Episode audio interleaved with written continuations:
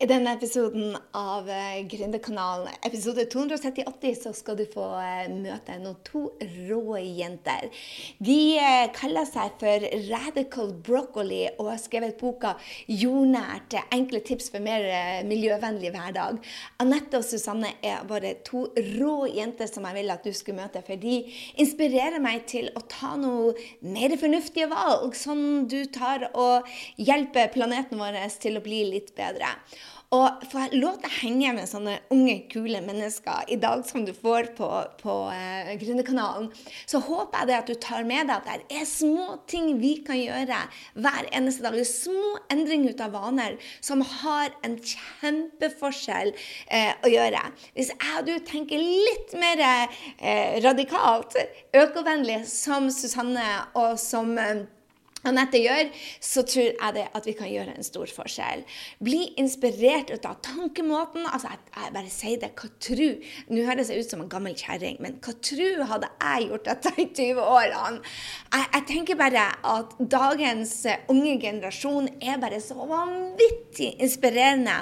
Og måten de torde å, å starte for seg sjøl, måten de torde å hoppe uten et sikkerhetsnest, det er bare beyond me. De er altså et forbilde på mot og på å gjøre en forskjell, for å gjøre noe med mening og for å ha hele hjertet med. Så åh, nyt denne episoden. Jeg er bare beyond takknemlig for at de ville dele sin reise. Og gled deg, vi har altså bare så mange utrolig spennende damer som kommer på denne eh, Gründerkanalen framover. Min Gud, Anja Hammerseng Edin, Bianca kommer. Vi har altså eh, Julie som kommer. Eh, som eh, Nei, nei det, det, blir bare så. Så bare hold deg fast, kjære venn. Nyt denne, eh, og pass på at du får med deg hver en episode framover, for du blir å møte så utrolig mange inspirerende damer. Jenter heier på jenter. Bruk hashtaggen. Eh, ta hashtag Gründerkanalen og del denne episoden. Det er så mange av oss som trenger å tenke litt mer grønt. Og det er små justeringer, og i tillegg så er de altså så inspirerende. Så del gjerne på sosiale medier. og Send meg en melding hva du likte best med denne, og kanskje også hvem vil du høre fra på Gründerkanalen. Jeg har flere overraskelser til deg utover, men har du et, et spesielt ønske om hvem du vil lære ut av, og da, send det til meg på en DM. Screenshot, del. Um, det er sånn vi bryr oss om hverandre. Og ta et bilde av disse to jentene. Oh du finner det på grysyndinge.no. Guri malla, episode 238, ikke sant? Der finner du eh, bilde av det, og så kan du også ta screenshot på um, iTunes. Åh, tusen takk, jenter, for at dere ville dele dette. Jeg må bare si det med en gang. For en inspirasjonskilde disse er. Da er jeg her sammen med Anette og Susanne fra Radical Broccoli, og jeg er så freaking excited. Jeg holder på å gå gjennom veggen her.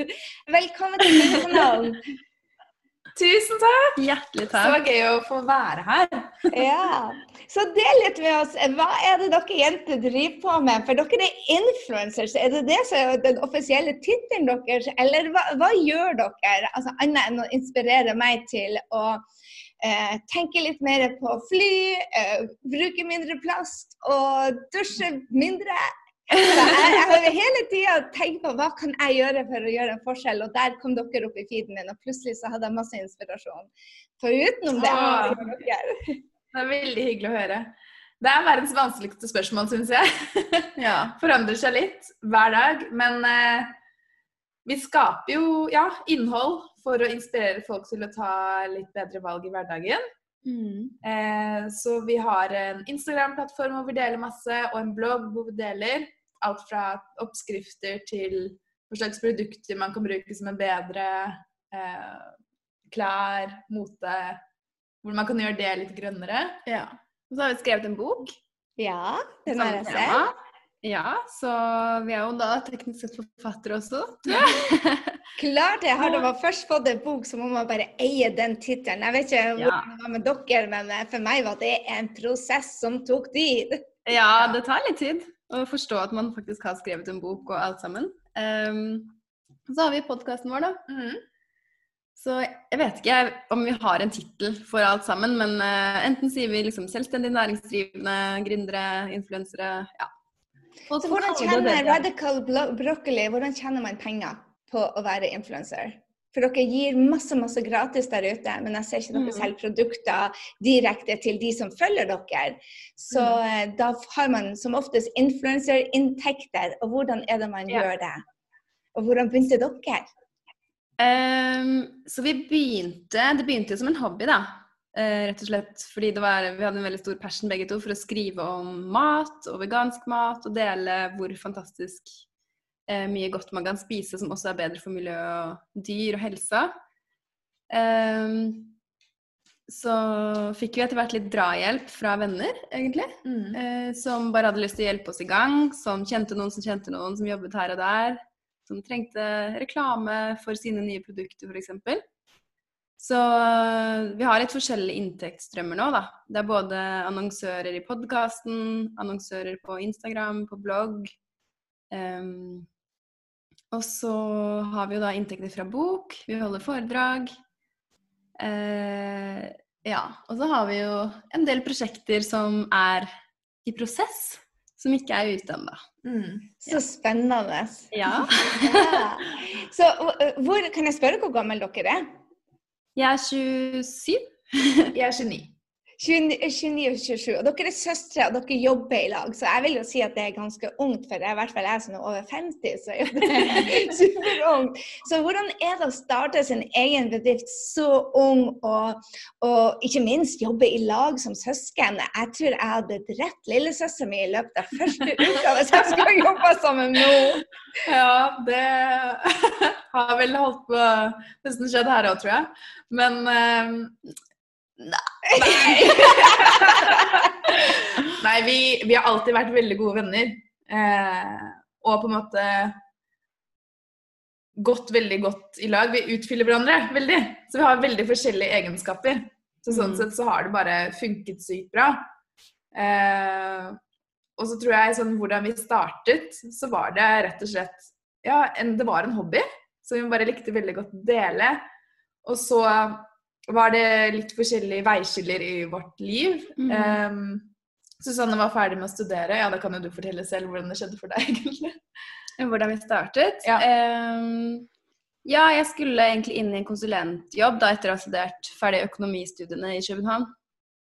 Og så bare Ja, det kjentes ikke ut som den riktige veien for meg å gå, da. Og så har vi begge to hatt en gründerspire i magen. Eller hatt en drøm, da, siden vi var kids. Vi startet jo, Da vi var små, startet vi jo et lite klesmerke. Vi startet, vi lagde, vi sydde egne klær. Ja. Vi, vi, hadde butikk fra jenterommet. Altså vi, vi, holdt jo på sånn hele tiden. Som sikkert mm. mange andre også gjør. Men så bare passet det seg da nå, da, når jeg var ferdig, og Anette var eh, ikke lenger så happy i sin gamle jobb. Yeah. Da tenkte vi nå ja. Jeg vil si det. Ja. Fra jeg som var 14 år i konsulentbransjen før og torde å hoppe, så må jeg bare si det at du har spart deg så så ja. Så, ja, det, det, det, var jo selvfølgelig skummelt, da. Og særlig når vi var liksom så ferske ut fra studier. Men samtidig så tror jeg at noe av det med å ikke ha den erfaringen, gjorde at det var mye mindre skummelt. Ja, jeg hadde jo jobberfaring, så jeg hadde jobbet to år i Forsvaret. Så for oh. meg satt det kjempelangt inne. Altså jeg var virkelig sånn Det var så rart, fordi jeg var så redd for hva andre folk skulle tro om meg. Mm. Det var liksom den største frykten. Og når jeg tenker på det nå, syns jeg det er så merkelig at jeg tenkte sånn. Men uh, Veldig naturlig. Ja, så jeg, måtte, jeg fikk virkelig et dytt i rumpa av uh, Susanne. Og bare sånn Du er ikke lykkelig nå. Vil du ikke bli det? Altså sånn Livet er så kort. Ja, det er jo det. mm. ja. Så, så, så ja. hva, hva, gjorde det um, at du torde da, Anette, å bare lytte til Susanne og, og, og, gi opp den faste inntekten? For det er jo det som er det mest skumle, i hvert fall for meg. når, Jeg vet ikke om du hadde lån da, men du har forpliktelser, og du ja. lurer på hvordan du skal ha tak over hodet. Og så mm. si, Det går jo en stund før man begynner å tjene penger òg, når man hopper ja. av. Så, så hva, hva, tenkte du, hva, hvordan torde du da å bare do it? Ja. Nei, det, var, det tok jo litt tid å komme til den avgjørelsen, men jeg tror at for meg så var det bare å komme til et punkt i livet hvor jeg, det var ikke verdt det. å ikke gjøre det. Det bare det ga, det ga meg ingenting å fortsette i en jobb jeg ikke var happy i. Og det gikk utover helse, det gikk utover, det gikk utover alt, ikke sant. Så det var litt det der. Og så har jeg alltid vært veldig sånn Jeg har ikke vært så veldig glad i shopping og sånn før. Jeg var liksom veldig flink til å putte penger på, på, på, penger på sparekonto. Yes. Så jeg hadde en liten kapital som jeg kunne lene meg litt tilbake på. Som jeg veldig glad for. Eh, var veldig glad for da. Mm. Og så tror jeg at man bare må ha en, en sånn Jeg vil ikke kalle det å være naiv, men bare sånn man må drømme litt og bare man må være villig til å ikke vite hva som skjer i fremtiden, for det, ingen av oss vet det uansett. det er sant. Jeg hører ofte fra mine mentorer om at, eh, at, man må ta risiko for å lykkes. Og det, er, det, det sitter liksom så i magen. En ja. av de tingene som min mentor nettopp sa til meg da jeg hadde gjort en megatabbe, så sa han det at de fleste stoler på magefølelsen, Gry, men den tar jo feil, for den tar bare høyde for det du allerede har gjort, ikke for fremtida. Så, så, da tenkte jeg bare ah, kanskje jeg skal lytte til magefølelsen, men ikke stole fullt og helt på den. For magefølelsen gir oss jo også de redslene ja. ja som stopper oss. Ja, ja, eller jeg vet ikke om det er magefølelsen eller om det er egoet som prøver å beskytte oss. Men det er, fall, det er jo stemmer i hodet som sier liksom Hva er det du tror Hvorfor tror du at du skal få til det her? Eh, ja. Altså, det kommer ikke til å gå. Og alle de der fryktene der. Og som du sier, vi har jo også vi har boliglån, vi har begge studielån og ting skal betales, men jeg tror vi bare Det kjentes så riktig allikevel, da. Ja, så. Ulogisk riktig. Ja. Ja. Det er jo hva tror, du, um, hva tror du ligger i fremtida deres med hensyn til å få lov til å være med på å endre verden? For jeg føler, det, jeg følger dere i hvert fall. Det er at det, det som er den indre driven deres, som bare gjør denne verden ørlite bedre enn da vi kom. Ja. Den, den, driven der må være der, tror jeg, for å tjene penger òg. Hva, ja. hva, tror du er deres rolle i dette er for noe? Hvis du spår fremtida litt.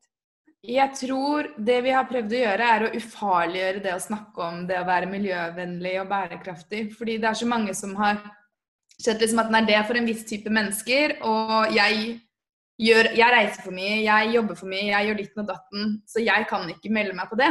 Men vi vil liksom bare senke terskelen og si jo, alle det er sånn, Uansett hvor du kommer fra, så er, kan du finne noe gøy å gjøre innenfor å gjøre verden litt bedre. Mm, Finn ja. gleden i det.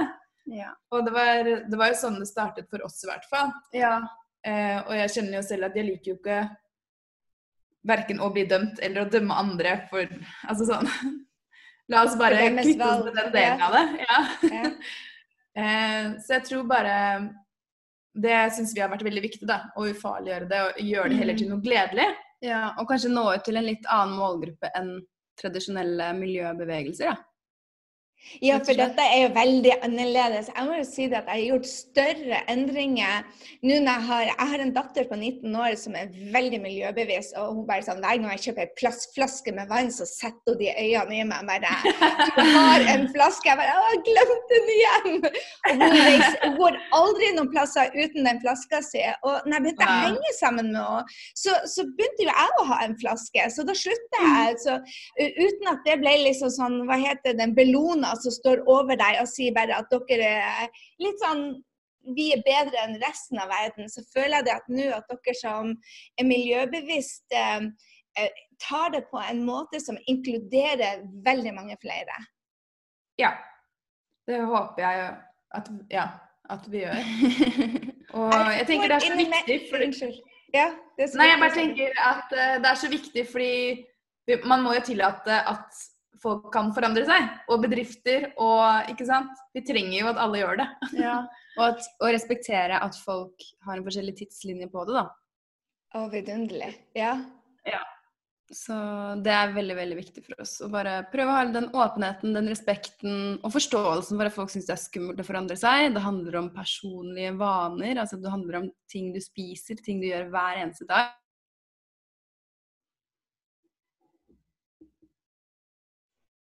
Nei, jeg tror jeg mista dere. Hallo? Er dere der?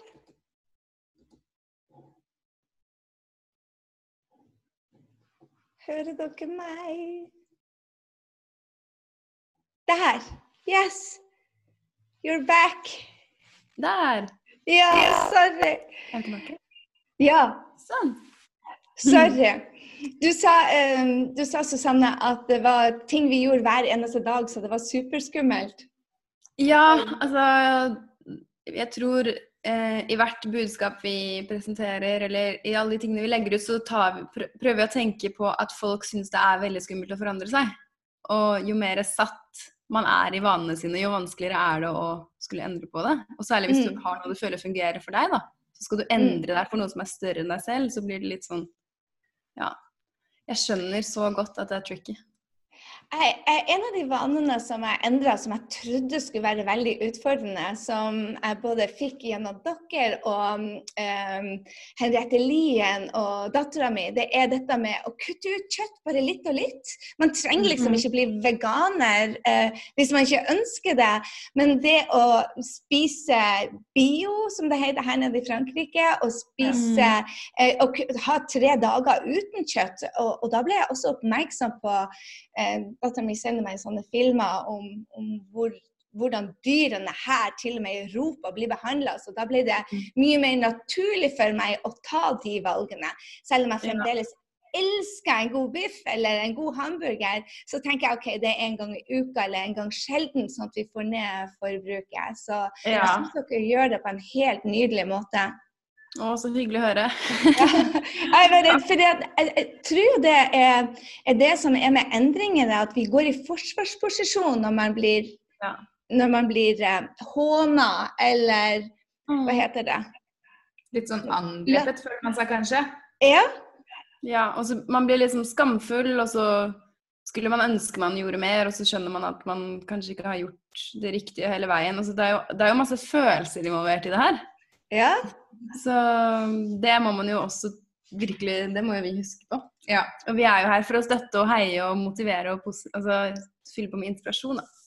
Ja, nydelig. Så hva er et par tips til de som ikke er blitt veganere og ikke vet så mye om det å være miljøbevisst? Hva er det de kan gjøre, sånne enkle tips som dere har til at de kan starte å gjøre en forskjell? Um, og uh, hvordan er det og hvordan er det vi kan få mer inspirasjon fra dere òg? Det trenger jeg å høre. Ja. Oh, det er et skikkelig godt spørsmål. Jeg tenker at det første man kan gjøre, er jo å bli bevisst da, på at det her er noe man har lyst til å endre. Mm. Og tenke litt over hva slags vaner er det man har fra før av. Og så syns jeg det er et sånn godt tips å velge seg et, et område. For noen kan det være at de vil starte med klær. Andre... men nå var det mat. Ja, ok, nå, men nå snakker vi om mat, ja. Ja. Jeg trenger ikke det, altså. Det, det med klær har ikke jeg tenkt på engang før jeg så en post hos dere. Og det var jo bare sånn Oh my God! Ta fra meg shoppevanene mine. Jeg dør! ja, det er det, da. Jeg dør! Nei da. Moderer litt, bare. Men eh, ja, det er derfor jeg tenker sånn, velge ut et område man, man er komfortabel med til å begynne med. Eh, F.eks. da maten. da. Og her kan det være flere grunner. Kanskje man vil føle seg sunnere. Eh, kanskje man vil ha mer energi. Fordeler med det også. Og så tenker jeg at man bare må eh, starte litt enkelt, f.eks. med frokosten. Hva med frokosten? Det er jo veldig mange som kanskje spiser vegansk eller vegetarfrokost fra før av. Men eh, hvis man ikke gjør det, så kan man jo bare tenke sånn Oi, det er egentlig ganske enkelt. Det, det er havregrøt, det er smoothies, det er, man kan ha pannekaker, Avokado. brødskive så, sånn, så enkelt kan det være, da. Mm. Og da har man allerede gjort noe sykt bra på starten av dagen for både seg selv, man får masse energi, og for miljøet. Mm. Og den følelsen tror jeg man kommer til å fortsette. Fordi det er den Ja. godfølelsen der vi jakter på hele tiden, i hvert fall. Ja, det er da du bygger litt og litt oppå det, da. Så kan du fortsette med å bytte ut f.eks. melken din da, med en plantebasert melk. Du, det har Helene Ragnhild lært meg, og nå bruker jeg bare den der Oatly. Og det- jeg trodde det skulle være en, jeg trodde det skulle være en kjempeforskjell, men, men eh, jeg merka det ikke, rett og slett. Nei, og det er så godt, og det er så mye lettere for mange å fordøye. Og ikke minst så slipper man å tenke på at man er en del av melkeindustrien, da, som mange har fått med seg at kan være ganske fæl. da. Mm. Ja. for dyrene. Så, og i tillegg til at altså, de største utslippene fra matproduksjonen kommer jo fra eh, produksjon av kjøtt og meieriprodukter. Mm. Så det er en kombinasjon av liksom, å finne den gode følelsen og liksom educate seg selv litt. da. Ja. Vite hvorfor man gjør det. Eh, ja, føle seg bedre med seg selv. Ja. ja, og det der med å få de der faktaene inn litt og litt. fordi jo mer du endrer deg, f.eks., jo mer kommer folk ved siden av til å spørre hva er det du gjør, hvorfor gjør du det? Ja. og da er det jo veldig gøy å dele, dele dette, da. Dele Og så har det kunnskapen de ringvirkningene, da. La oss si du er den første som begynner med Oatly-kaffen på jobb, da. Litt etter litt så kommer hele kontoret til å gjøre det, fordi Oatly smaker så sinnssykt godt også. Det, jeg, jeg er ikke noe glad i melk, så jeg bruker det Jeg spiser veldig lite melkeprodukter, foruten om innimellom jeg lager min egen yoghurt. Men, men, um, men melkeprodukter er jeg ikke glad i, så jeg kjenner faktisk ikke forskjell på dem. Nei. Men det er kanskje det. fordi at jeg putter det i et eller annet bestandig. Ja. Så la oss snakke om denne skammen. Jeg får innimellom høre det på bloggen om jeg egentlig vurderer dette med fly. Og jeg reiser jo veldig mye rundt om i verden for av min egen egoisme. Um, og jeg har fått et par sånne flyskammeldinger um, hvor man da sier det at jeg må snart begynne å tenke på miljøet og ikke reise så mye. Og da tenker jeg, hvor, hvordan er det dere um, anbefaler? Jeg regner med at dere ikke tar båt når dere reiser til Los Angeles. Nei. Hvordan Nei, tenker jo- dere rundt om det? Noen flyturer, eh, vi også. Ehm, men ønsker jo å kutte ned så mye som mulig. Samtidig som vi begge har steder vi har lyst til å se. Vi har en farmor i Portugal, vi har familie på Kapp Verde. Til, altså, tidligere bosteder vi har lyst til å besøke. Ikke sant? Man har jo behov for å utforske, og jeg tror det er helt naturlig. Mennesket har jo alltid reist og utforsket, og det er sånn vi lærer om nye kulturer og språk. Så Ikke minst er det sånn man ofte ser hva som skjer med, med naturen og verden. ja. De aller fleste som har vært typ, eh, på stranden på Bali, kommer hjem og bare Plast! Vi må gjøre det med plast! Og da Ja. gjør man faktisk noe med det, ikke sant? Ja. Eller at man oppdager sånn Å, i, eh, i Italia har de en helt annen resirkuleringsordning. Hvorfor har vi det ikke sånn hjemme? Kan man implementere noe? Altså, man, man oppdager jo så sinnssykt mange kule og nye ideer. Mm. Mm. Eh, men når det er sagt, så vet man at det har en miljøbelastning. Og vi er jo veldig, veldig klar over det, vi også. Så eh, vi prøver å legge smarte reiseplaner. Reise, være borte lenge når vi først er der. Eh, kompensere for billetten kan man også gjøre. Mm. Eh, og altså begrense det så mye som man bare klarer, da. Men Mm. altså finne balanse her også. Ja. Jeg tror Eh. alt handler om balanse. Da jeg var i Thailand for en måned siden eller to, så ble jeg så sjokkert over kunnskapsnivået deres. Så um, jeg, jeg, mitt kunnskapsnivå er ikke veldig høyt altså, når det gjelder plast. Um, jeg får det inn gjennom 19-åringen min da, hva jeg trenger å gjøre, og blir gæren hvis vi ikke har poser med oss på butikken. Så det, vi kjøper aldri plastposer. Vi bruker ikke plastflasker lenger hvis det ikke er krise at vi har glemt en påfyllingsflaske. Så jeg begynte å få litt sånn, men, men jeg ante ikke hvor stort problem dette var før jeg landa i Thailand og så bare at alle strendene, for utenom de 100 meterne vi bodde på luksushotell på, var, resten så var det plast overalt. Det var, Ja. det var så grusomt. Og da tenkte jeg bare Jeg gikk og plukka søppel hver dag. og tenkte jeg, Hva er det man kan gjøre da når man kommer til f.eks. Jeg blir jo dratt til Thailand en måned hvert år. Hva er det man kan gjøre da for å um, educate dem? Lære dem det de holder på faktisk å gjøre. De ødelegger jo for seg sjæl. Altså, det er jo de, Ja. som, de, de som bor der, som er verst. Altså, de bare Ja. kjøper hver dag, og så hiver de isopor og plastikk hver eneste dag midt på stranda si. Jeg, jeg ble bare sånn Hva gjør man da? Mm. Nei, jeg vet ikke. Det er jo, man kan jo liksom sette i gang med sånn utdanningsprogrammer på det, da. Men da skal man jo være et sted en god stund for å vite altså, hvem er det man skal snakke med, hvordan er det man skal starte, hvordan skal man engasjere folk her. Men jeg tror det er viktig å bare starte der man er. Det er sånn Når du er der, så så jeg Du hadde jo lagt ut at du hadde plukket, f.eks. Det er så bra. Ja. Det, det minner folk på Å ja, man, kan faktisk plukke opp. Ja, Selv om man, Mm. når man ser plast så på lett stranda. det, liksom. Så da, da, starter man rett og slett der man er, og så tror jeg man bare må ta det derfra. Så begynner samtalen. Ja. Eh, så jeg tenker å Ja, å snakke høyt om det er kjempeviktig. Ja. Og vi plukker også alltid når vi er på en, hvis vi er på en ny strand, da, eller hvis vi er ute og reiser. Det er liksom å gi tilbake litt til det landet man besøker, da. Jeg, på, ja. jeg tar meg det nå. Nå har jeg vent meg til å plukke opp når jeg går også på gata i Oslo eller andre plasser. Så plukker jeg faktisk ja. opp etter andre. Tidligere så ble jeg bare forbanna på folk, mens nå gjør jeg noe med ja. det. For det hjelper faktisk ikke å bli forbanna. Nei, og nei, det, det var sånn aha, det hjelper deg å kun utover deg når du blir forbanna. Så når jeg begynte å plukke opp, og da ser jeg også at det påvirker andre rundt meg. Oi, hun plukka opp, kanskje ja. jeg også skal gjøre det. Ja. Man senker terskelen litt for å gjøre det, rett og slett. Ja. Mm. Mm. Så det er en veldig fin ting. Ja. Og må vi, si, vi har også brukt mye tid på å bli, være sinte. Men uh, det, det, bare kjentes ikke noe godt etter hvert. Nei, ikke sant? Det, det, ga oss jo ingen, ikke energi, det ga oss ikke noe pågangsmot. Det, liksom, det føltes mer ut som det bare var for mye å gjøre. Vegg, ja. ja.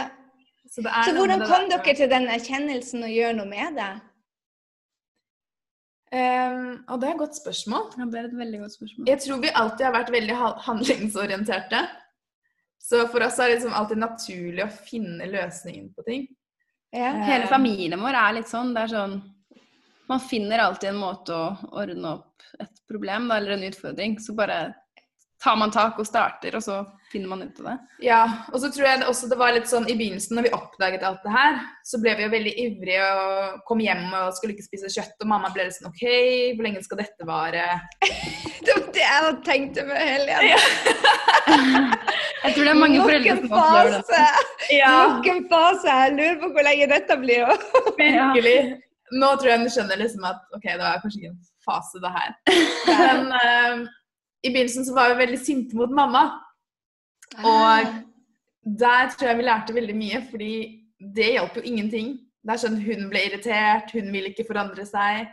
Mm. Hun stritter jo imot når hun blir for liksom bare kritikk istedenfor at vi viste henne hva man kunne gjøre. da. Ja, som jeg skjønner. Jeg hadde jo reagert på samme måte selv. Og da ble man jo bare sånn OK, det er faktisk ikke noe gøy å kjefte på folk. Og det er mye mer givende å bare inspirere dem, ha det bra med seg selv, mm. gjøre det man liker, vise det.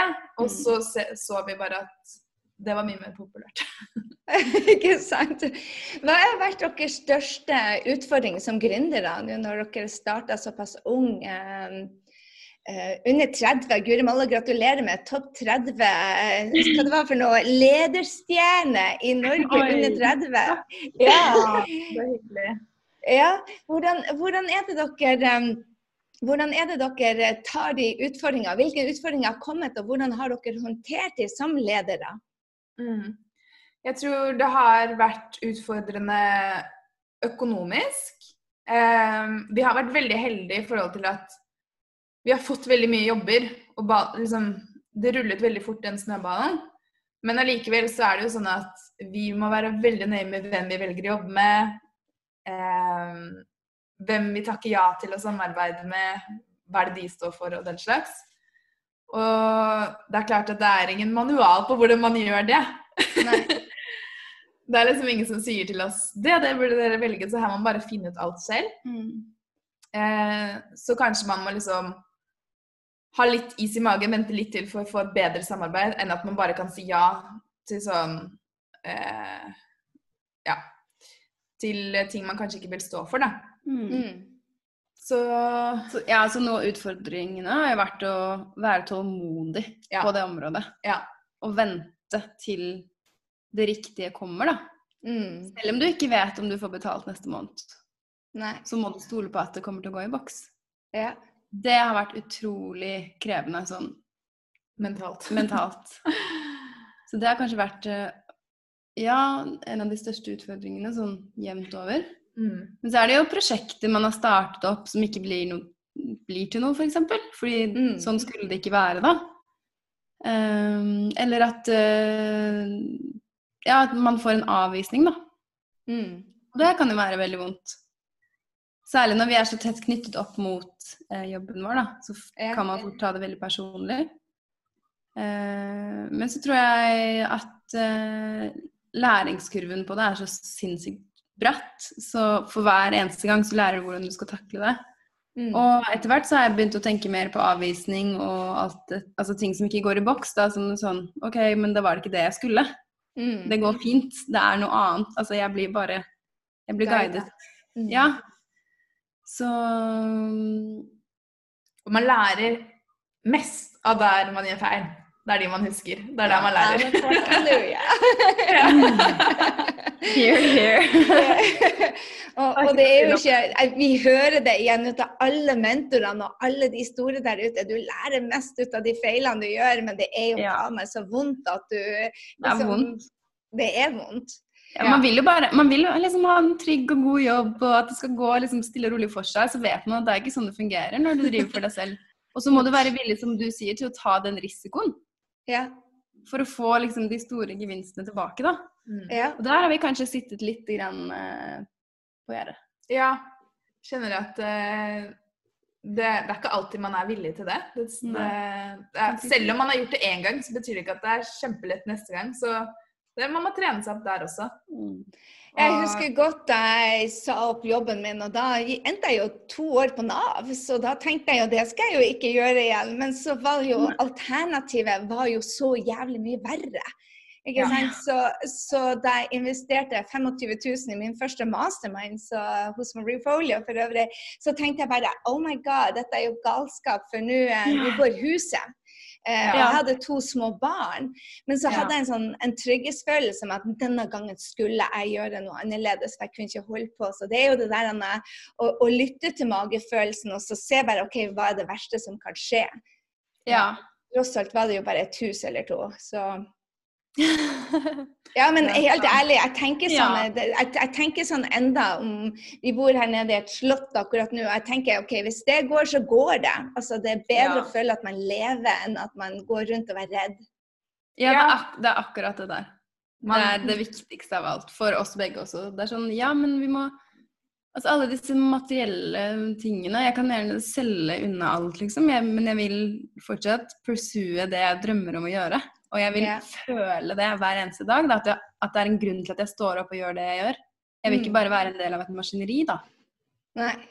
Så Og da kommer jo de derre ja, fryktene og spørsmålene i hodet og alt dette her.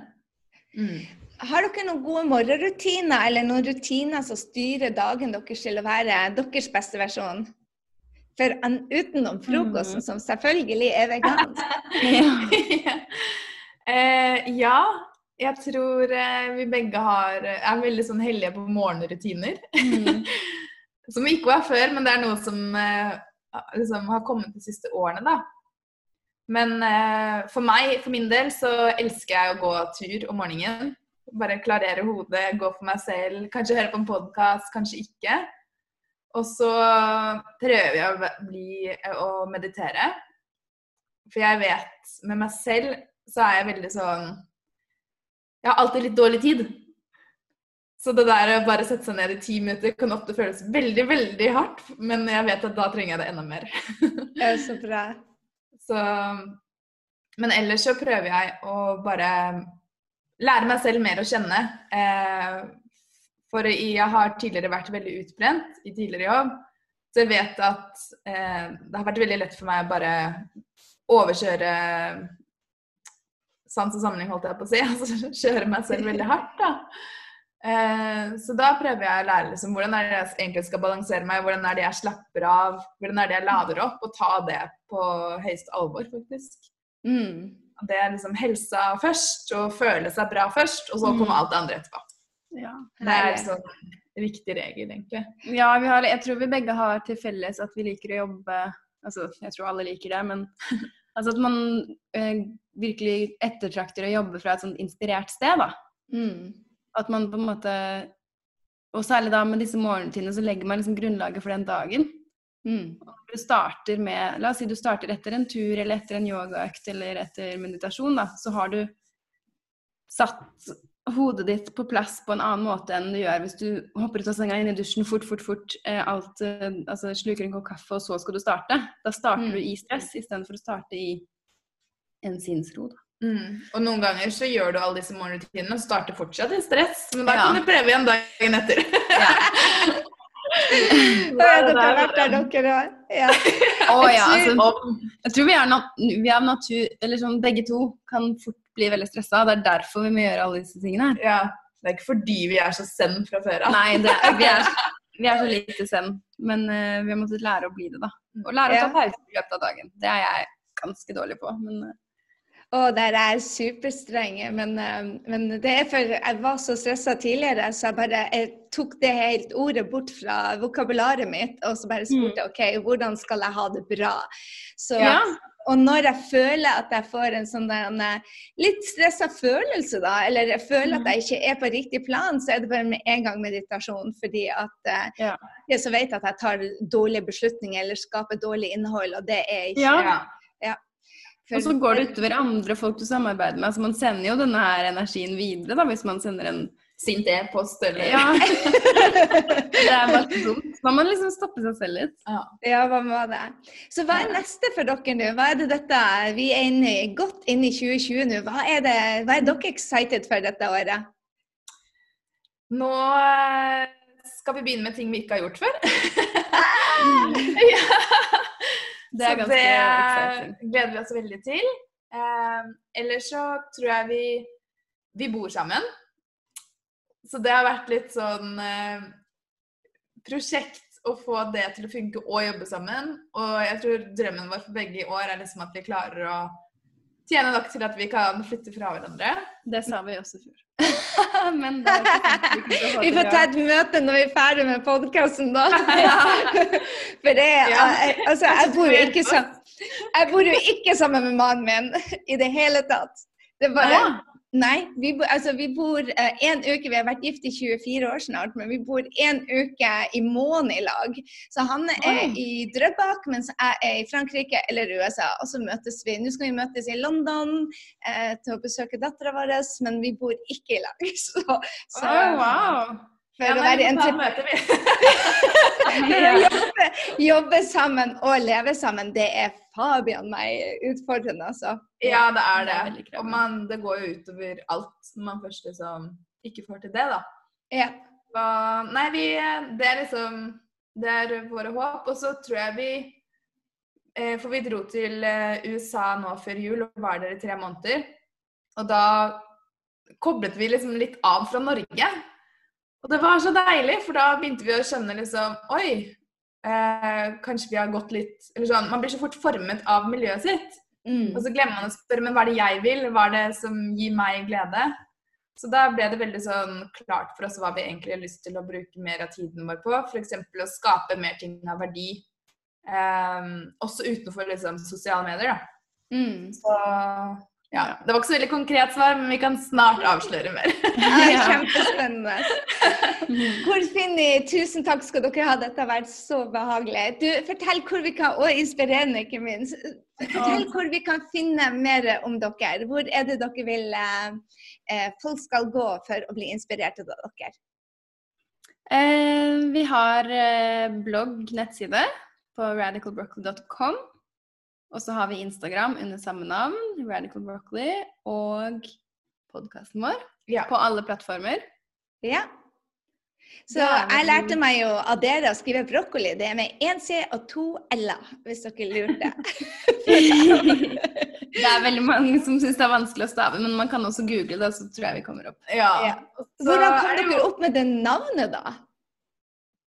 Det var egentlig bare fordi vi Tulla litt. Ja, vi, vi drev og tøyset med det, men vi følte det var behov for et radikalt skifte innen mat eh, Altså i hele matindustrien. da.